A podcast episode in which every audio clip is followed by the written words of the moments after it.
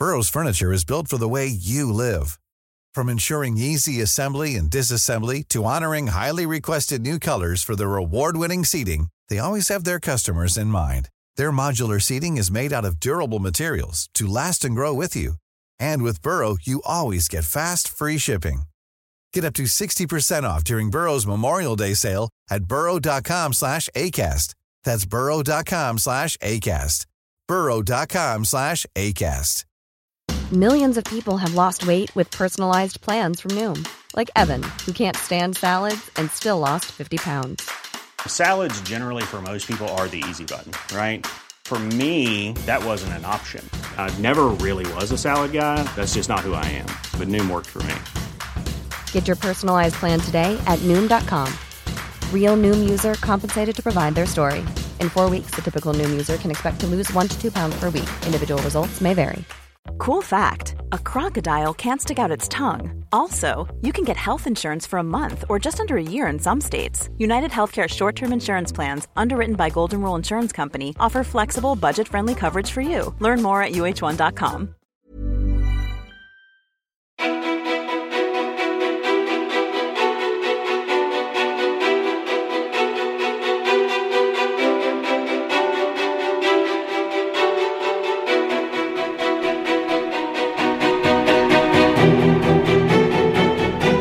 Janice är en av Sveriges mest folkkära soulartister med en rad hits bakom sig.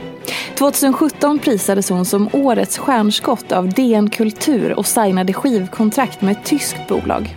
Sedan dess har hon medverkat i en rad tv-program som prestigefyllda Allsång på Skansen och Bingolottos uppesittarkväll. Janice har uppträtt på P3 Guld och Grammis, hon har spelat sig själv i SVTs serie Eagles och varit resande reporter på Musikhjälpen och släppt mängder med ny och välkänd musik sedan dess. Janice har även berättat om sin bakgrund med en mamma från Finland och pappa från Uganda och sagt att hon har gjort allt för att visa att hon är svensk.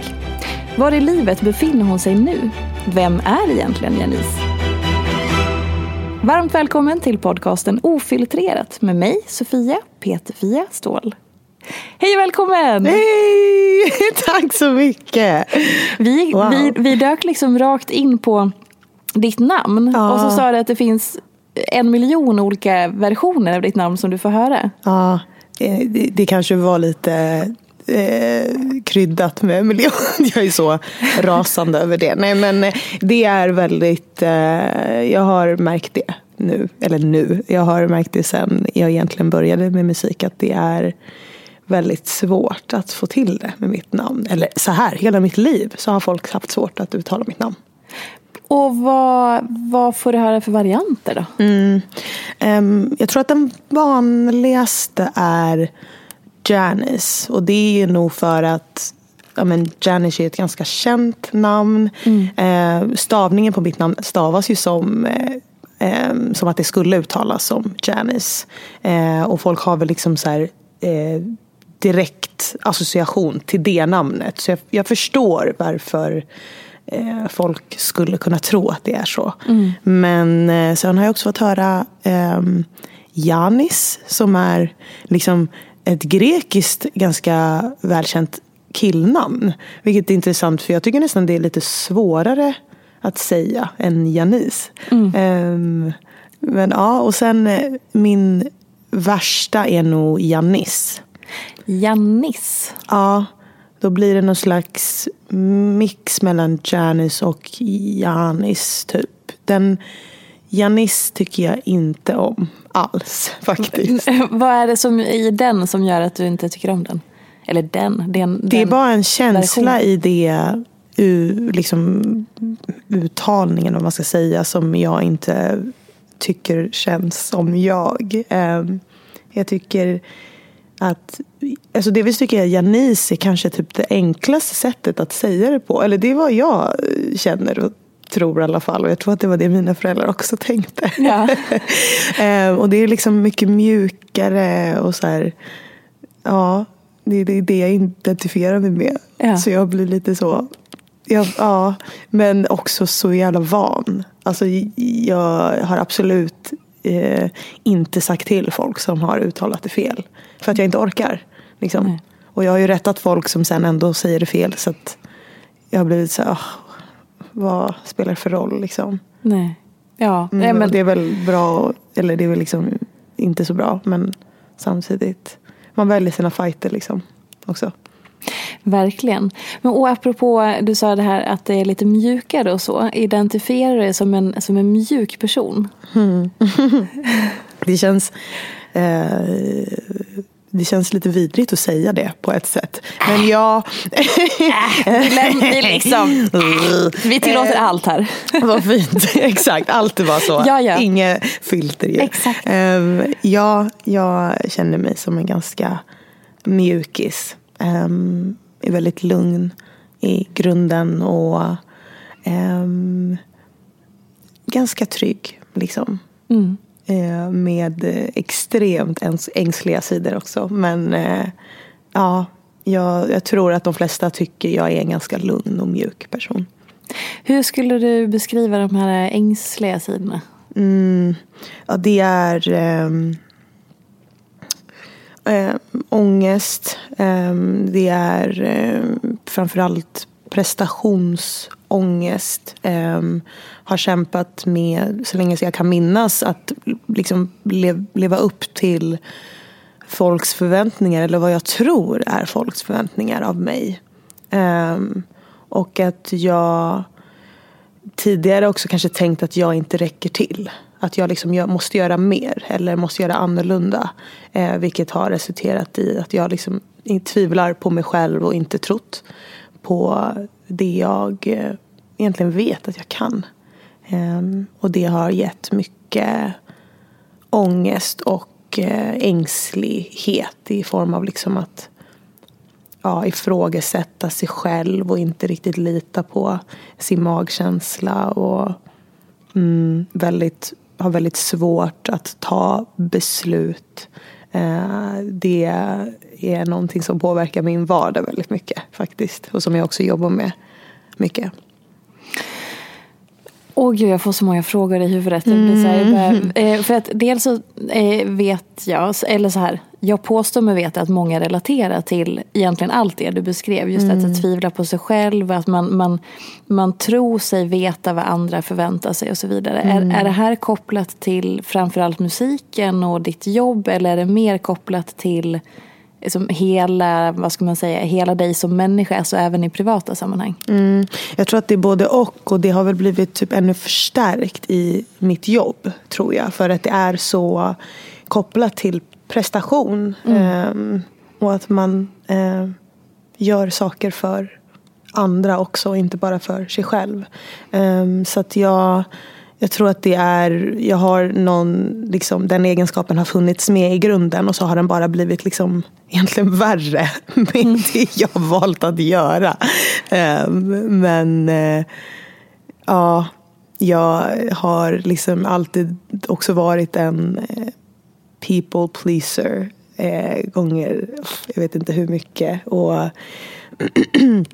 det gör ju så att, eller det det, det, det är, är ju att man vill att eh, folk ska eh, må bra och ha det bra och liksom eh, bekräfta en eller liksom, jag vet inte. Man, det är som att man kompromissar med sig, sina egna känslor och beslut för att göra andra nöjda. Och det har ju sen resulterat i att jag inte har känt att men det här är ju inte det jag vill faktiskt. Um, och det är ju också liksom som en typ inre kamp i sig. Att åh, försöka verkligen uh, hitta, hitta sin, uh, sin röst och hitta sitt narrativ. Och verkligen, jag vet inte, jag tror att det handlar också väldigt mycket om mognad.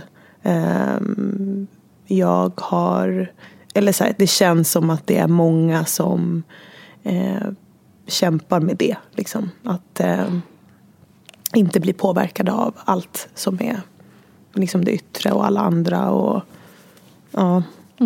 Ehm, så en blandning, en god blandning av privata Janice in i Janice som artist.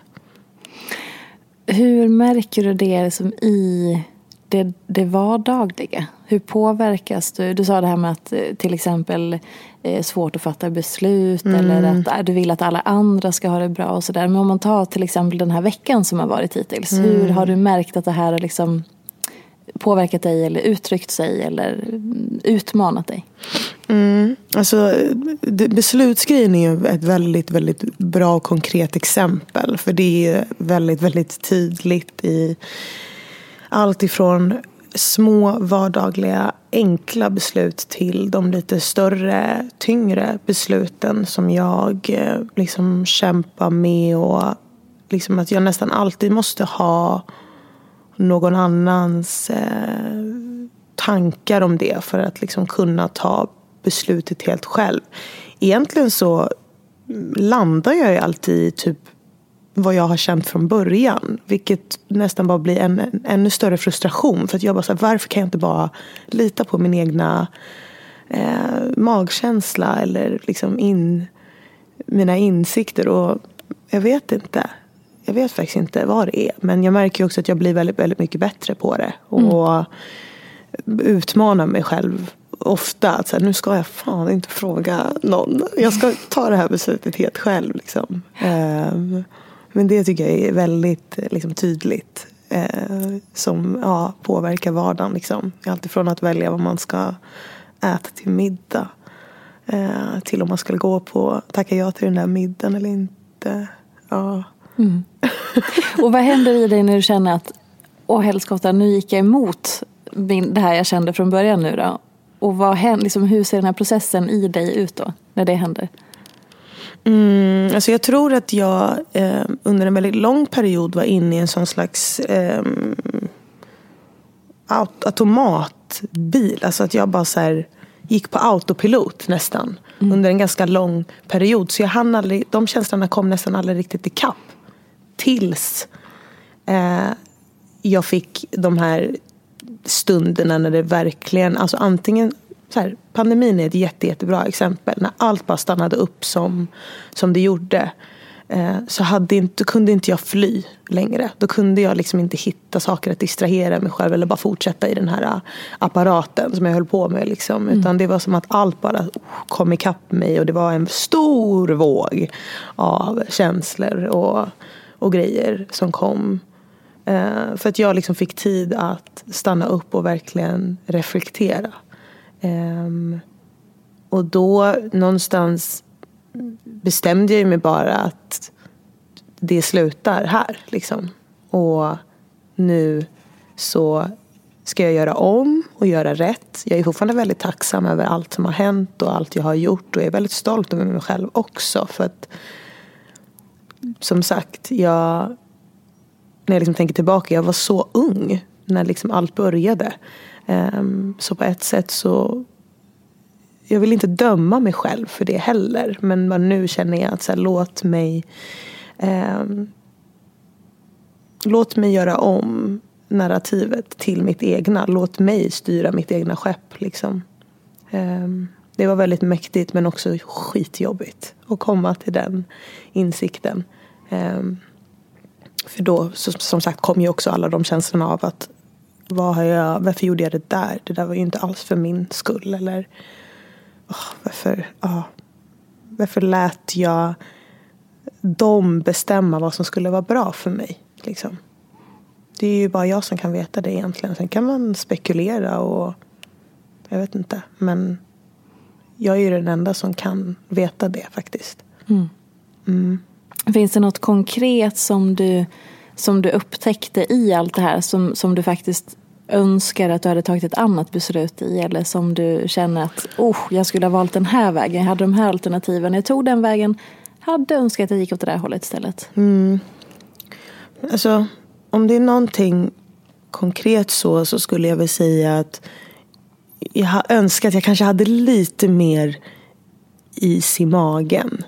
Um, och liksom för när jag började släppa musik så gjorde jag det independent. Eh, jag jobbade bara med liksom min manager och sen så anlitade vi um, en PR-byrå externt som liksom skulle hjälpa oss med PR och sånt. Eh, och då var det ändå efter en ganska lång vända av att vi hade pratat med skivbolag och varit i möten och fått nästan samma svar från alla. Det här kommer inte funka här. Liksom. Eller vi är inte intresserade eller vad det nu var. Sa de varför? Uh, det var olika. Vissa, vissa blev rent ut sagt förvånade över hur det lät och var så okej. Okay. Jaha. Vi trodde att det skulle vara något annat. Och jag var så här, vad trodde ni att det skulle vara? Vet inte men det här, det här, hur ska det här gå i Sverige? Liksom? Hur ska... Eh, vilket var väldigt intressant. För, så här, för mig så kändes det så himla naturligt. Jag kommer liksom från soul, R&B sen barnsben. Sjungit gospel och vad, anna, vad annars skulle jag göra? typ. Vad hade ni för... Men sen kan jag också förstå att de, har ju, de tror ju att de har det vinnande konceptet. Ja. Och att det är det man gör om man vill bli någonting. Liksom. Och hur, sen, förlåt, ja, men hur ville de forma dig? Vad fick de? Så här, vad, om de hade, kom det någon som sa att så här, okej, okay, jag hör vad du, vad du gör, jag ser vad du gör, men om vi tar dig till oss så vill vi forma dig på det här sättet. Det här paketet ska vi sätta dig i. I popprinsessa-paketet skulle ja, jag vara. Det, det var min första tanke, alltså, det var mm. säkert där de ville klämma in dig. Mm. Finns det något annat än så kan man undra. Ja, exakt. Ja, exakt. Och det var ju typ det jag kände också, att jag var så Eh, och jag och min manager var så himla enade och överens om den grejen. Så vi valde ju att göra det själva då från första början. Men sen när vi gjorde det själva och de skivbolagen kom krypandes tillbaka. Nej, Jaha, nej jag skojar. Ja, Men eh, alltså så här, då blev jag nästan lite naiv igen. Och väldigt ivrig också tror jag. Um, vad var jag? 19? Mm. 20 liksom. Och ja, där hade jag kanske önskat att jag hade haft lite mer eh, is i magen och verkligen stått fast vid vad jag eh, ville göra. För det ledde faktiskt tyvärr till att jag sen började kompromissa med min musik. Mm. Och um, för det var då jag signade med Sony Tyskland och också började jobba med Sony i Sverige. Um, två majorbolag. Och jag tror jag aldrig någonsin hade sett mig vara på ett major. Uh, men kände att det fanns eh, så mycket möjligheter och framförallt att det var sån sjuk pepp. Jag hade aldrig fått sån bekräftelse tidigare och att det var så många som trodde på det jag eh, ville göra. Men sen så under tidens gång så började det ju petas och skruvas och det var kanske i så små volymer att jag kanske inte ens märkte det under tidens gång. Liksom. Hur, och, hur vill man veta då? Hur? Allt ifrån att så här, ja, alltså själva skriv processen förändrades ju ganska mycket. Då skulle jag helt plötsligt skriva med de här och de här och de här för de har gjort det och det och det. Och jag hängde runt på sessions och var i London, jag var i Berlin och jag skrev med liksom stora topliners och alltså producenter som jag visste hade gjort det här och det här och det här men som egentligen kanske inte tilltalade mig särskilt mycket. Eller som jag försökte liksom eh, översätta vad jag ville göra men kände hela tiden att jag blev eh, motarbetad eller överkörd med, att, med argument som att men, här, vi har mer erfarenhet eller jag har gjort det här så här länge. Hur länge har du hållit på med det här egentligen? Och, mm, klapp i huvudet. Mm. Mm. Eh, vilket gjorde också så att jag tog mindre och mindre plats i skapande processen och kände att, ja men återigen det där med, räcker jag till? Jag vet inte riktigt. Eh, sen så jag är jätte, jättestolt över det projektet som sen blev min eh, debutskiva. Men jag vet inte. Det blev bara, det blev för många kockar som skulle in och tycka och tänka. Och jag vet att det är så många artister som, handlar, som hamnar i just den situationen. Och ibland så är det som att man väljer att eh, liksom, man väljer bort sig själv för att komma vidare. Typ. Mm. Och det var som att jag fick liksom, jag kom till en punkt där jag var bara tvungen att välja. Och ja, det blev som det blev.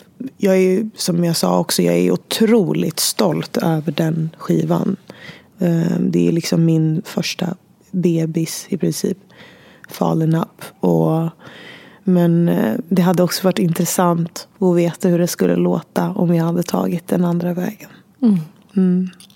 Och var befinner du dig nu i allt det här i förhållande till just det att du har liksom bytt riktning och kanske mer hittat tillbaka till dig själv om jag Exakt. uppfattar det rätt? Ja, jag- och så här, jag tror också att eh, någonstans så eh, har väl jag också fått liksom blomma ut och utvecklas med tiden. Och att jag kanske inte helt hade eh, figured out vad jag ville göra men att det liksom har växt fram och sen att jag liksom tillsammans med min egna liksom, utveckling också har landat i eh, det är det här jag ska göra nu.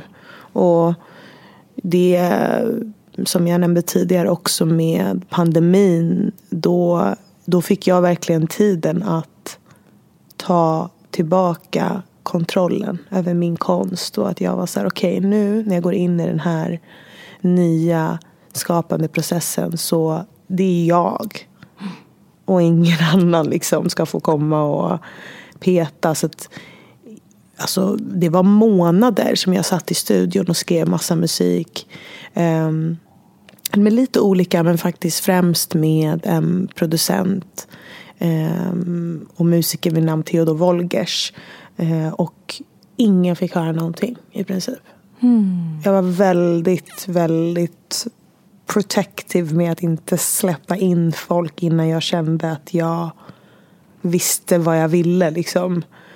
Uh, just för att jag kände så här, nej nu ska ingen få komma liksom, och få slå, slå sitt krokben eller hur man vill liksom säga det. Men så jag är väldigt tacksam över den här tiden också för att jag har det känns, alltså det känns så jävla töntigt att säga på ett sätt men det, jag har gjort sån jävla resa.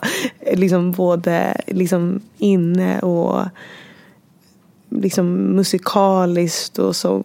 Ja, jag vet inte. Det, det har varit skit jobbigt i stunden men också så jävla mäktigt att komma till den punkten att typ återknyta till den här trygga och lugna Jenny som jag vet att jag är. Ehm, det är skitmäktigt att få visa det för andra. Gud, jag blir så här rörd. Ja, jag men också. Ja. Jag med. Det, är, alltså- ja, mm. det är ju det finaste som finns och det viktigaste som finns. ja, gud. Alltså verkligen. Ja. Känslosam är man. Ja. Vad, vad känner du nu när du pratar om det här? Nej, alltså jag, gud, jag blir typ bara stolt över mig själv. Ja. Och, mm, ja, gud, jag... Det har varit en sån lång resa hit. Och jag... Nej, jag är jävligt, jävligt stolt över mig själv. Och det känns så befriande att få visa det här för, för världen. Liksom. Jag har längtat efter det tror jag. Gud vad fint.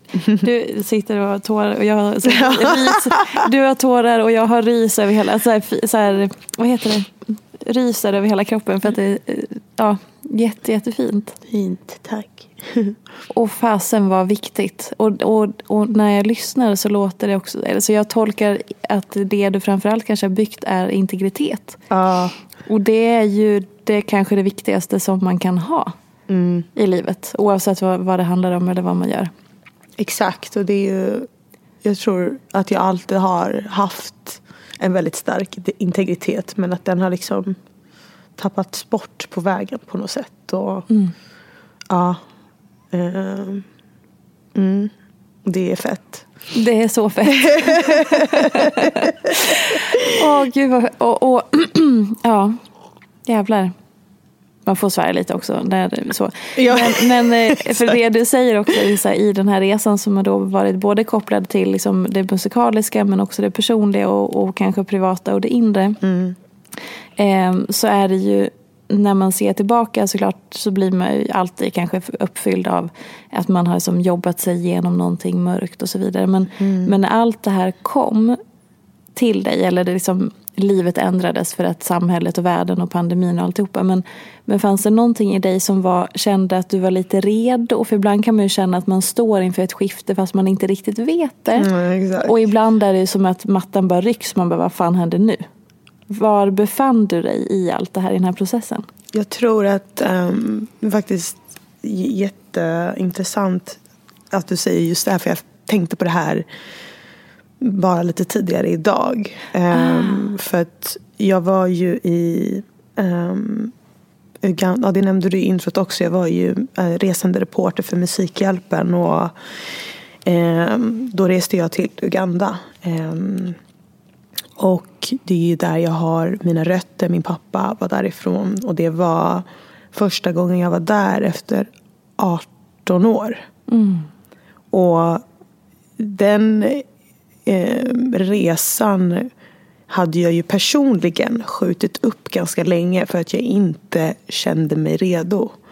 Och sen när eh, jag fick eh, frågan om Musikhjälpen så var det faktiskt inte bestämt att det skulle vara Uganda eh, vi skulle resa till. Så när jag fick veta det så blev det så, det var som att det bara det var liksom en polett som trillade ner och var så här, okej, nu är du redo. Eller så här, du måste vara redo. Du har liksom inget val.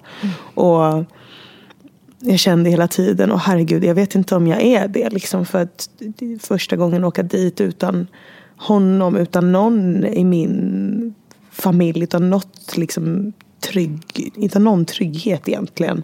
Ehm, men jag vet inte, den resan var väldigt viktig för mig på många olika sätt. Och jag tror att det var liksom eh, fröet som såddes där som gjorde att jag sen fortsatte den resan in i 2020. Eh, och ja, jag vet inte om det är kanske mer åt det hållet som du sa, liksom att mattan bara ryckte så att jag var så wow, okej, okay, nu har jag faktiskt inget eh, val längre. Jag kan inte rymma från det här. Jag kan inte skjuta upp det längre. Jag behöver eh, konfrontera de här känslorna ordentligt. Jag liksom, och det är alltifrån eh, sorg till eh, andra liksom, trauman. Och jag har varit snuddat där men jag har inte riktigt vågat öppna boken helt. Liksom. Och det fick mig att göra det. Eh, så ja, den, eh, och det är också den senaste resan jag gjorde. Um, för sen kom ju corona och allting. Och då var det också så himla tydligt för mig att jag har saknat den delen av mina rötter och att jag, hade, jag kände sånt stort behov av att liksom återknyta till Uganda och pappa och släkten och de här platserna och doften och känslan av att gå på marken. Och, ja, det var också fruktansvärt jobbigt men så viktigt för mig tror jag. Mm. I, och när kom den här frågan eh, om att göra den resan från Musikhjälpen? Mm. Vi åkte ju i december. Um, frågan kom kanske i april. Mm. Eller maj. Eh, månaden, månaderna innan där. Mm. Det är så, för det är så intressant för att jag är ganska sådär, vad ska man säga, flummig av mig. Och när man, när jag, i och med att jag sitter och lyssnar på så många människors berättelser om alla möjliga saker så är det många gånger som just ni som gästar podden berättar om, om saker i er liv eller, eller händelser, så, någonting som har väckt just att man har kommit in på en resa eller behövt tvingats att utvecklas. Och då är det så många gånger när man, när man tittar på tidslinjen som att det är så här men gud, det här kom in i ditt liv exakt vid rätt tidpunkt som knuffade dig i den här riktningen. Ja. Som öppnade det där som gjorde att det blev så här. Och så har det liksom jag tycker det är så jävla coolt. Och det finns något betryggande i det. Att ibland så är det som att någonting bara så här. Hit ska du. Ja, exakt. Och nu ska Det är du ett här. skifte, liksom. Ja. Som att så här, Musikhjälpen kom till dig, kanske när du precis var redo. Och sen bestämdes det att det var just Uganda, precis när du var redo. I, alltså du vet, och så bara, jävlar vad coolt. Att det bara, doj, ja. Och det är exakt, det är så jävla sjukt att tänka på det egentligen. Eller sen när man ser det på det sättet. För att Ja. universum är så jävla mäktigt ju. På det Eller hur? sättet. Att man, ja, ja det är, ehm, det är ganska speciellt. För hade du fått den frågan kanske fyra, fem eller bara ett år tidigare, då hade du kanske känt att nej, Exakt. jag kommer tacka nej. Jag vet inte hur du hade känt. Ett Men, år innan tror jag att bara hade varit Ja. eh, nej. och sen så apropå, eller sen då om man tänker då att vad det puttade dig någonstans i dig själv och alltihopa. Och sen kommer corona så att du också får möjlighet att fortsätta möta. Exakt. För hade du kommit hem där, då hade du kanske kunnat stänga av och rusa på i tre år till. Precis. Eller så. Det hade vilket, kanske... Mm. vilket jag tror, för att jag vet, alltså så här, eller så här, det här är ju när jag har analyserat eh, mitt beteende tidigare. Liksom. Det är ju typ exakt så jag har gjort. Att jag bara har gått vidare till nästa grej. Ja. Och liksom tutat på Mm. eh, utan att stanna och känna efter. Eh, men då kunde jag ju inte göra det. Liksom. Gud vad intressant. Mm. Det är så spännande. och det är också, jag tycker att det finns något så fint när man blickar tillbaka. Också Mm. att se, eh, som du säger, att så här, det finns så mycket som du kanske hade önskat gjorde annorlunda men nu vet du och sådär. Och, och jag upplever att det finns något så vilsamt i att ibland så behöver man gå till det man inte vill ha för att fatta det här vill jag inte ha, den här Exakt. vägen vill jag inte gå till, det här är inte för mig. För då kan man förstå vad man faktiskt vill ha, behöver, önskar och vill. Precis. Ehm, och då blir det inte heller som att de tidiga erfarenheterna är fel eller ett misslyckande eller jag borde ha vetat bättre utan bara så här nu förstår jag för att jag var här och nu fattar jag Exakt. att det är inte för mig och så kan jag söka mig vidare. Liksom. Precis, och återigen liksom det här med eller jag försökte i alla fall uttrycka det förut, att man liksom inte ska vara så dömande och hård mot sig själv. För allt har ju sin tid, allt har sin process och jag vet inte. Det är som du sa, vissa grejer måste ske för att man ska få det här uppenbara. Liksom. Ehm, eller inte alls, alltså jag menar det känns som att det är också så typ romantiserat på ett sätt att man ska ha, få den här uh, uppenbarelsen. Att det bara så en dag ska vara så här, ah det är det här liksom. Eh, men det finns ju nyanser av allt såklart. Och jag tycker att det är, det är inte svart eller vitt heller. Och det är alltid från väldigt små grejer till väldigt så här groundbreaking grejer i, i en själv typ. Eh, men var, att man liksom inte ska vara så hård och vara faktiskt att just det där, allt har sin tid. Och om inte det här jag, alltså, så om inte allt det här hade hänt, om inte jag hade gjort allt det här andra så tror jag inte att jag hade varit där jag är idag heller. Um, mm. Ofta typ omfamna det också på ett sätt. Och använda det sen kanske till bättre saker. Och, mm.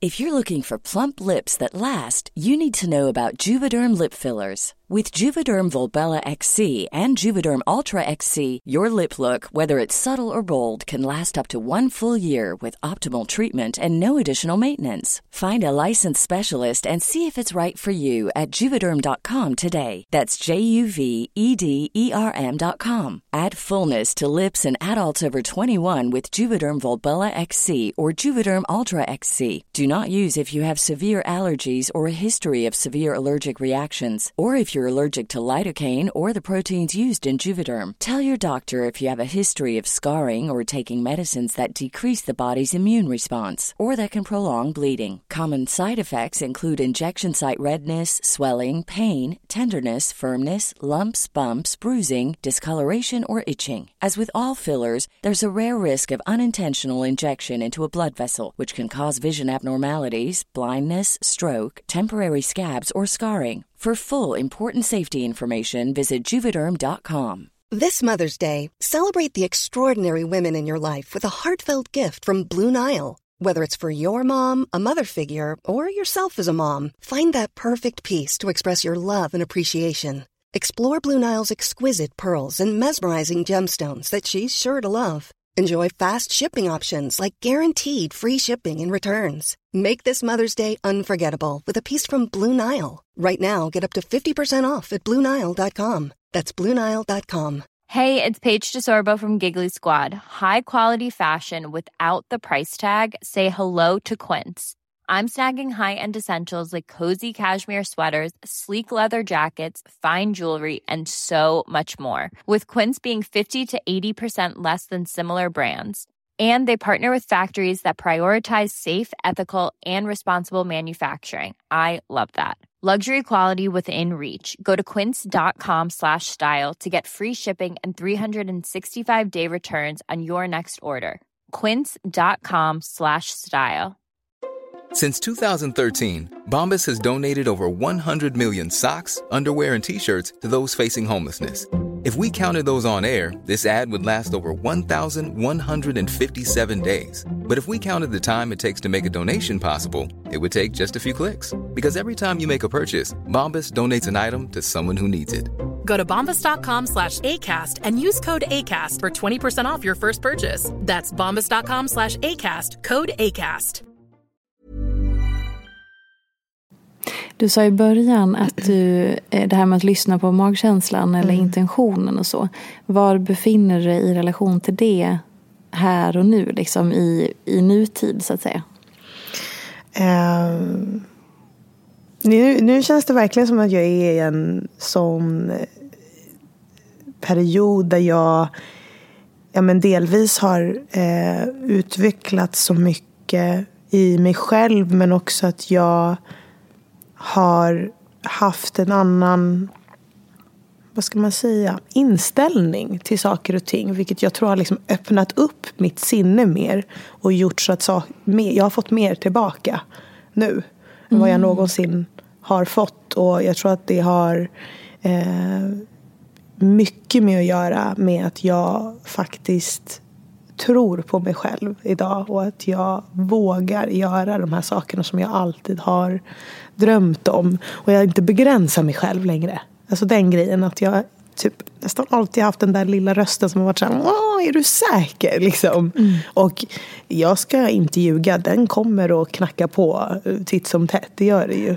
Ehm, men allt har, är ju liksom, allt har ju sin process också och man har liksom ehm, man har bra dagar och man har dåliga dagar. Det kommer ju alltid vara så. Ehm, men att det bara känns Åh, gud, jag känner mig så... i typ, det är som att jag känner mig så här, liksom lite på nytt född. Vilket det är, jag vet inte. Men det, det känns så jävla mäktigt typ. Att jag verkligen... Jag har så mycket eld i mig. Och jag bara... Ja, jag önskar att jag kunde säga allting som händer just nu. Men jag, ja, jag får... Kan du säga någonting? Ehm, nej. Eller jag vill. Alltså jag vill jätte, Kan du, jättegärna. kan du säga så här, den, det bästa eh, formatet som jag ofta använder mig av eh, är att man kan prata om ramen men inte innehållet. För det tycker jag är en ganska härlig eh, i att här, man vill ge någonting men man kan inte säga exakt vad det är. Eller att man vill kanske vara personlig men inte privat. Eller man kan bjuda på det här kommer hända men jag kan inte... eh, Så, så om, om vi kan låna det formatet. Om, kan du säga någonting om ramen men inte innehållet? I något som händer nu. Eh, ja, men då kan jag väl säga att jag har... ehm, jag gör saker som jag... ehm, alltid eh, drömt om att få göra men alltid känt eh, känt mig lite begränsad i och typ tillbakadragen i form av att så här, du måste göra en sak. Mm. Du måste bestämma dig för vad du vill göra. Nu tycker jag så här, tiden vi lever i nu är raka motsatsen. Alla gör fan allt. Vilket är, jag tycker det bara är skitfett och inspirerande. Eh, speciellt om man är bra på de grejerna. Mm. um, men eh, vi säger så här. Jag, jag, jag blommar ut i um, i andra format än i musik. Och nu behöver du inte säga något, men jag tror att du skådespelar. ja, jag vet inte. Ja, vi får väl se. kanske lite, kanske inte. Ja. Gud vad mm. spännande.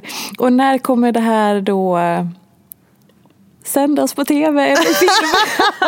jag har inte sagt någonting nej, om nej, tv. Det är bara jag. jag. Sagt det är bara jag. Det är bara jag. Det är bara jag. Yeah. Du har inte skvallrat, jag har bara påstått saker. Ja, exakt. um, inom en snar framtid. Hoppas oh, jag. Super. Alltså det här året eller nästa? Mm, 2021, 2022? Nej, 2022 kommer bli ett otroligt år tror jag. Wow.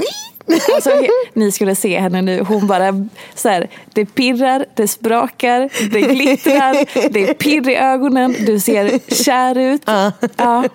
ja. Åh oh, gud. Alltså nu ler jag så mycket så jag har ont i käkarna. Du är så gullig. alltså jag tror verkligen att jag har rätt. Nu ska jag inte ha hybris. Men jag, ja, mm, ja mm. vem vet. Det är fortfarande bara jag som påstår saker. Hon har inte bekräftat. Nej. Nej. Men tror du jag skulle kunna göra det? Ja, definitivt. Mm. Mm. Okej. Okay. Mm. Okej. Okay. ja, gud. Definitivt. Så här kryptisk ja vill jag inte vara. Nej jag förstår det. Men du har kanske munkavle och signat avtal och liksom. Mm. Exakt så. Avlyssn mm. avlyssna det just nu. Mm, exakt, till och med det. ja. Men gud vad spännande. Men om vi återgår också då lite grann till den här rösten och här med att begränsa sig själv. Mm. För det upplever jag och tror att väldigt många också känner igen sig i.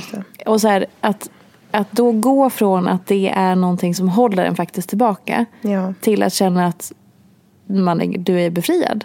Hur ha, kan du ge något, någonting som har hjälpt dig i den processen? Som har fungerat för dig, som, som har tagit dig från att vara så begränsad? Mm. Jag, tror att det, hand, det är, jag tror att det är jätte, jätteviktigt att eh, omge sig av människor som eh, eh inte håller tillbaka en. Eh, missunnsamma personer Mm. Och men det finns. Det finns mycket om. Och jag skulle säga att du, man ska ommöblera mm. sin eh, sfär. Om det existerar sådana där. Jag är alltid för att ge folk the benefit of the doubt. Att så här, det är klart att man kan konfrontera sådana personer innan man klipper jag är inte en klippmänniska. jag är väldigt odramatisk på det sättet tror jag. Ja. Men eh, jag tror att det är superviktigt att du har människor runt omkring dig som faktiskt tror på dig. För mm, den där grejen tror jag kan spöka hos en längre och vara djupare än vad man någonsin tror. Um, och, det, och det är, det där, den är svår för att jag vet att just med det jag gör och liksom, så alltså generellt i kreativa yrken så har ju också samhället sagt att så här, är det ett riktigt jobb? Kan du verkligen göra det där? Och så här, så att det är ju inte heller konstigt att vi är så inmatade med det. Och jag kan tänka mig liksom våra föräldrar och ännu tidigare generationer är ännu mer ärrade av mm. det. Att man ska vara utbildad och man ska liksom... Så att eh, det är klart att det är lättare sagt än gjort kanske. Men för mig så har det liksom varit väldigt viktigt och jag är faktiskt väldigt eh, tacksam över att jag alltid haft familj och vänner som har peppat mig i allt jag gör och vill göra. Um, och sen jag var liten så har det varit så. Mina föräldrar har alltid varit så klart du ska göra det när jag kom hem och fick för mig att jag skulle bli friidrotts liksom, proffs. Mm. Um, så att um, det är verkligen en viktig grej skulle jag säga. Uh, men också att komma underfund med varför du gör det du gör. Mm. Um, ja. Vad är ens syfte liksom? Jag tror att när man fattar det eller liksom när man verkligen landar i det och anledningen och så tror jag att det blir mycket tydligare hur man ska ta sig dit. Liksom. Och jag tror att man släpper på ganska många av de begränsningarna som man kanske hade tidigare. När man vet liksom vad det är man vill säga. Eh, och det finns inget annat. Liksom. Eh, eller så finns det massa annat. Det är ju väldigt individuellt. Men det, det var väldigt avgörande faktiskt för mig. Hur hittade du det syftet? Mm, gud. Då, det var i och för sig ganska enkelt för att jag kommer jag kom liksom alltid tillbaka till varför jag ens ville sjunga och varför jag fascinerades så, så mycket av till exempel Whitney Houston eller um, Sade eller Mariah Carey. Jag blev så berörd och tagen när jag såg liksom, det var min mamma som visade mig liveframträdanden av Whitney. Och jag tror, jag var så liten så jag fattade inte ens vad det var som hände med mig. Att, med rysningar, att jag var så här, men gud vad är det här? Alltså, mm. Och att jag nästan blev gråtfärdig av tonerna hon tog och hur hon gjorde det. Och att jag var så, åh gud, det är där hon får mig att känna. Ja. Det vill jag också få någon annan att känna. Och att det har en sån sjuk kraft. Eh, och vad mäktigt det är med musik. Då kunde jag inte ens kanske förstå vad hon sa för någonting. Men det gick rakt, rakt in. Och att det har liksom inte ett, ett språk utan det är så talande på många sätt. Och på olika sätt till olika människor. Och jag tyckte bara det, den kraften och det ljuset och jag blev helt så överkörd. Och bara, jag har aldrig känt så här förut. Och när jag sjöng så kunde jag översätta det i, um, i vad jag sjöng. Mm. Och då var det så självklart att det finns inget annat för mig. Mm. Fan fint. Alltså det är så, att hitta det mm. är ju, som du, och det du sa innan, så det har eld inom det. Alltså det blir ju som att någonting bara klickar. Exakt. I vad det nu än är. När man får den som bara, kloff, mm. där, nu, nu fattar jag. Precis. Det är en mäktig känsla. Det är en otroligt mäktig känsla och mm. jag kommer alltid tillbaka till det. Um, när jag känner att det är skit eller vad det än är. Liksom, så är det som att jag landar alltid i så här, men det finns liksom inget, det finns inget annat. Och mm. det, det är starkare än allt. Um, mm. Det som liksom får en att fortsätta också och kämpa. Ja. Om jag helt bara hoppar till ett ord och så får du säga bara vad du bara vad, du, vad som kommer till dig när jag säger det ordet. Mm. Helt fritt. Människor. Människor. Vi är konstiga människor. ja. Eh, det är människor, wow, ja. ja. När du bara sa det så kände jag bara, ja det jag sa det är konstigt. Alltså. Ja. vi är så konstiga och vi är så olika och så. Men ändå så lika och så komplexa och så. Men ja, wow. Det är jävligt mäktigt också med människor och hur vi kan mötas och vad vi kan ge och vad vi kan ta av varandra. Um, vad vi kan betyda för varandra. Mm. Gud. Ja, gud, man blir så här uh, filosofisk typ. Ja, I love it. Ja. Vad tänker du?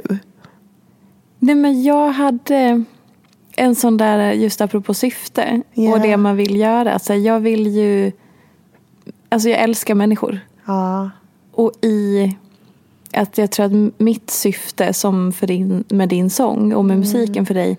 Mitt syfte är att påminna människor.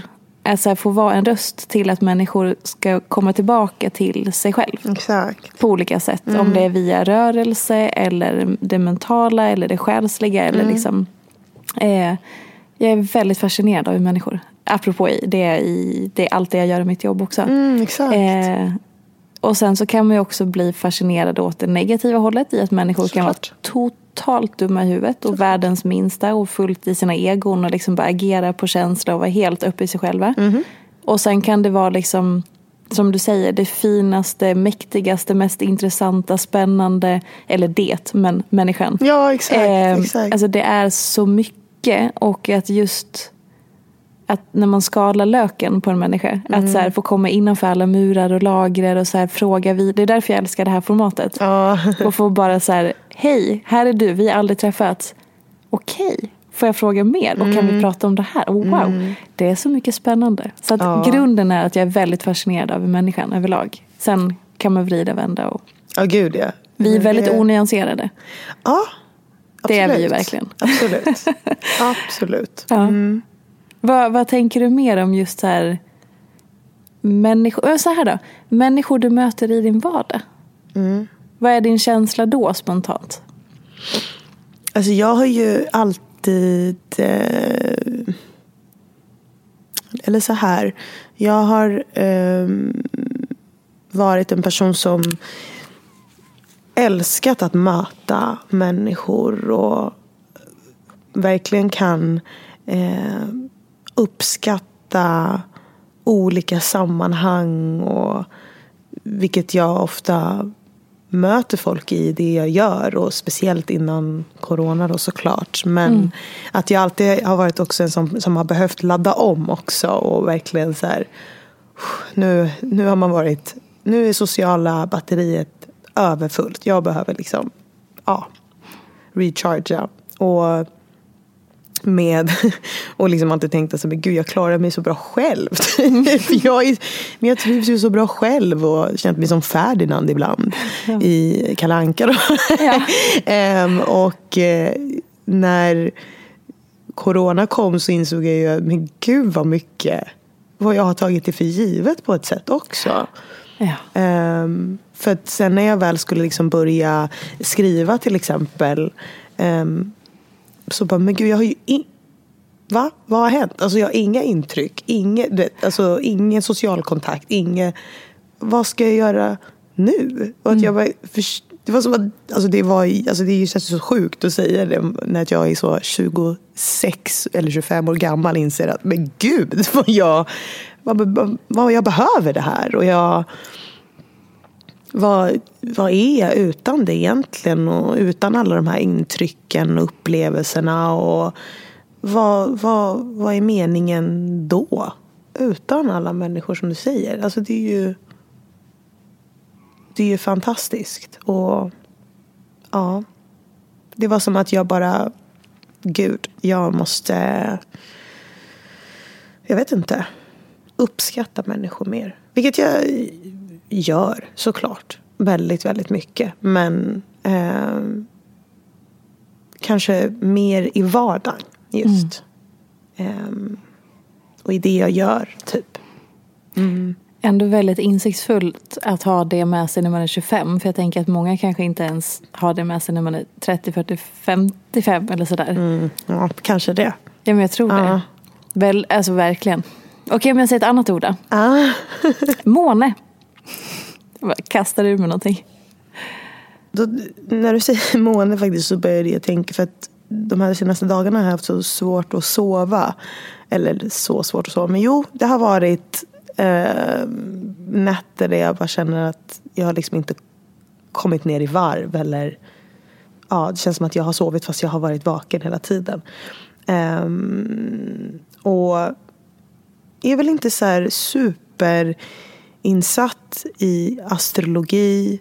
Eh, men fascineras väldigt mycket över det. Det är också en så störig grej med mig. Som att så här, det är som att jag blir så påverkad men jag tar liksom inte riktigt tag i det och faktiskt börjar researcha eller liksom börjar vrida och vända. Jag bara så här, ja, men det är väl fullmåne ikväll liksom. Um, men att det var väldigt intressant och spännande hur mycket det faktiskt påverkar oss. Mm. Eh, hur månen står och vart den står och i förhållande till solen. Och det, jag har alltid varit en person som, eller jag har trott att jag har varit en person som när jag sover så sover jag. Alltså det är inga problem. Aldrig liksom kämpat med sömnparalys eller insomnia. Men nu när jag blivit äldre så eh, har jag ändå från och till haft eh, ja, men, att sömnen har varit lite påverkad på något sätt. Eh, och då är ju alltid den där månen alltid liksom där. Mm. Eh, och störigt tänkte jag säga. Men det tycker jag nog inte att den är. Eh, den är där. Och den gör grejer. Ja. Gud vad spännande. Har du läst någonting om att menscykeln påverkas av månen också? Nej. Det, upptäckte, det fick jag, eh, upptäckte jag, jag tror att det var i somras, att man har ens menscykel är kopplad på olika, alltså att det finns beroende på var man, hur månen och mensen är synkad. Så, så kan man hitta olika saker och hur det påverkas. Det är jättespännande. Åh herregud. Så googla på det, Ja. månen och menscykeln. Och så kan man få liksom, ja, lite, jag vet inte om, man, ja, vi gillar inte att säga saker är facit, men man kan få lite så här, aha, nej men gud, Just det. intressant. Ja, så. exakt. Nej, men, oh, gud, det att det är allt, liksom, ytterligare en grej som Mm. vi blir påverkade utav. Ja, eller hur? Ja, det är så mycket. Åh, att vara kvinna. Mm. Ja, ja då. Men jag ska definitivt läsa om det. låter Ja. väldigt, väldigt intressant. Superspännande. Ja. Ehm, jag tänker så här. Jag skulle vilja sitta här hela dagen. Mm. Men jag har en förskolehämtning. Ja, Men såklart. innan det så måste vi avrunda det här med frågan som alla mina gäster får. Yay. Och då bara rensar vi skallen. Och så bara blir det från ingenstans. Nu har vi redan varit inne i lite det här med människor och månen och sådär. Så nu kommer sista frågan. Mm. Vad är inte som det ser ut? Vad är inte som det ser ut? Mm. Mycket. Allt. Ja. Alltså allt vi ser på sociala medier. Alltså, gud, fasader finns och existerar. Ehm, och jag jobbar fortfarande med att skala av det. Um, allt är absolut inte som det ser ut. Nej. Ehm, det känns som att vi, mm, eller jag vill känna att vi kommer närmre och närmre att bli mer liksom innerliga och liksom inte känna att vi har, behöver ha de här liksom filtrerna eller fasaderna. För att jag tror också att det, det är egentligen bara ett resultat av allt som vi har blivit inmatade med och patriarkatet. Åh herregud. Det är liksom så att jag dömer ingen. Ehm, men nej. Inget är som det ser ut. Ja, det är väl egentligen den slutsatsen de flesta kommer fram till. Ja. Eh, Och, och, det är så här, och det i sig säger ju så mycket. Mm. Och är bara en sån viktig påminnelse om att just det, det är ju så det är. Och så, Ja. ja. Komma ihåg det liksom. Eller hur? När det blir lite för mycket eller när det, man börjar jämföra sig. Eller, mm. Mm. Yeah. Jag brukar fråga gästerna vad de hoppas att, att lyssnarna ska ta med sig från det här avsnittet. Men jag är nyfiken på vad tar du med dig från det här avsnittet? Gud, jag, jag var eh, jätteglad att jag fick sitta och prata med dig. Du är så... Jag vet inte. Du har sån lugn och varm energi som gör att man känner sig väldigt, väldigt trygg. Som du sa, det är första gången vi träffas här och jag bara wow. säger saker som jag typ aldrig har sagt högt tror jag. eh, så det, var, oj, eh, det var jävligt mäktigt. Det, så att jag är bara jag, ja, det sa jag tidigare i avsnittet, jag är återigen ganska stolt över mig själv som också vågar vara så här transparent och eh, skör och eh, vad man vill kalla det. Jag har verkligen förstått att det sköra är en av mina eh, liksom väldigt starka egenskaper. Så, och jag försöker verkligen omfamna det. Mm. Ehm, så jag går härifrån och känner mig väldigt stolt. Men också, ja jag vet inte, uppfylld. Det här var väldigt, väldigt givande. Gud vad roligt, vad fint. Gud vad roligt. Och tack för att du liksom formulerade och var närvarande. För det är väl egentligen det det handlar om många gånger. Att, att det, här, det, det finns ett talesätt som jag fick på en av mina utbildningar för jätte, jätte, jättelänge sedan. Som verkligen har följt mig i livet. Eller inte förföljt mig, för det låter som negativt. följt mig. Ja, exakt. Eh, som är, var där du är när du är där. Och gör det du gör när du gör det. Exakt. Och jag tänker att det sammanfattar typ hela samhällets problem. Att Ja. vi hela tiden är fyra steg fram Precis. i allt. Precis. Och att det, det här samtalet har ju krävt mycket närvaro. Vilket Mm. jag är väldigt tacksam för att vi fick din närvaro. Liksom både här och här. Inte fint. bara den fysiska formen. Nej, exakt. Utan även Utan- liksom den själsliga. Precis så. Okej, men om vi ska avrunda då. Var kan man hitta dig nu framöver? Vad, vad, när man liksom vill ha mer av din musik och av dig. Man kan följa dig på Instagram såklart. Berätta mer, allt det där. Exakt, man kan följa mig på Instagram. Eh, och in... jag har sån hatkärlek till Instagram, herregud. Det är liksom... Uh, det är också laddat med mycket mm, prestation för mig, vilket är tråkigt. För jag vill bara att det ska vara kul och jag vill bara ge folk av mig och också vad folk, vad jag tror att folk förväntar sig av mig. Ja, gud, det är en jävla balansgång med det. Men exakt, följ mig på Instagram. ehm, och håll utkik. Det kommer komma grejer. Vi Ja. måste ju säga Insta. Janis, Janis. Janice, exakt. Punkt this. Yes, precis. Ja, Det- så, att, mm. så att eh, ni har det med. Men, Och sen så kan man ju lyssna på den musiken som finns ute i och hålla utkik efter den spännande grejen som jag tror har att göra med skådespeleri, men vi vet inte. Oh, vi får väl se. Men det kommer massa 2022. musik. Massa, Ja. massa, massa musik. När? Eh, 15 oktober kommer eh, Feelings Unresolved, min EP. Det är alltså, jag längtar.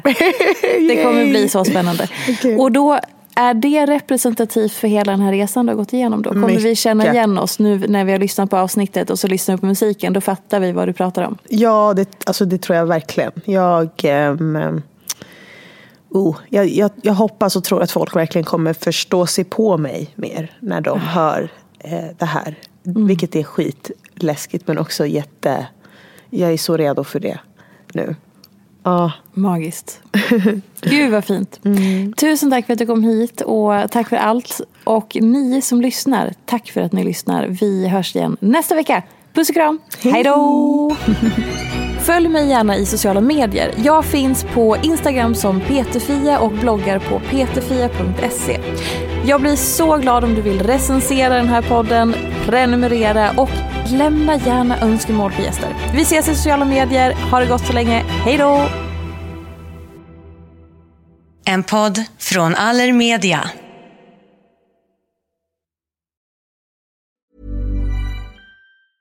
A lot can happen in the next three years. Like a chatbot may be your new best friend. But what won't change? Needing health insurance. United Healthcare Tri Term Medical Plans are available for these changing times.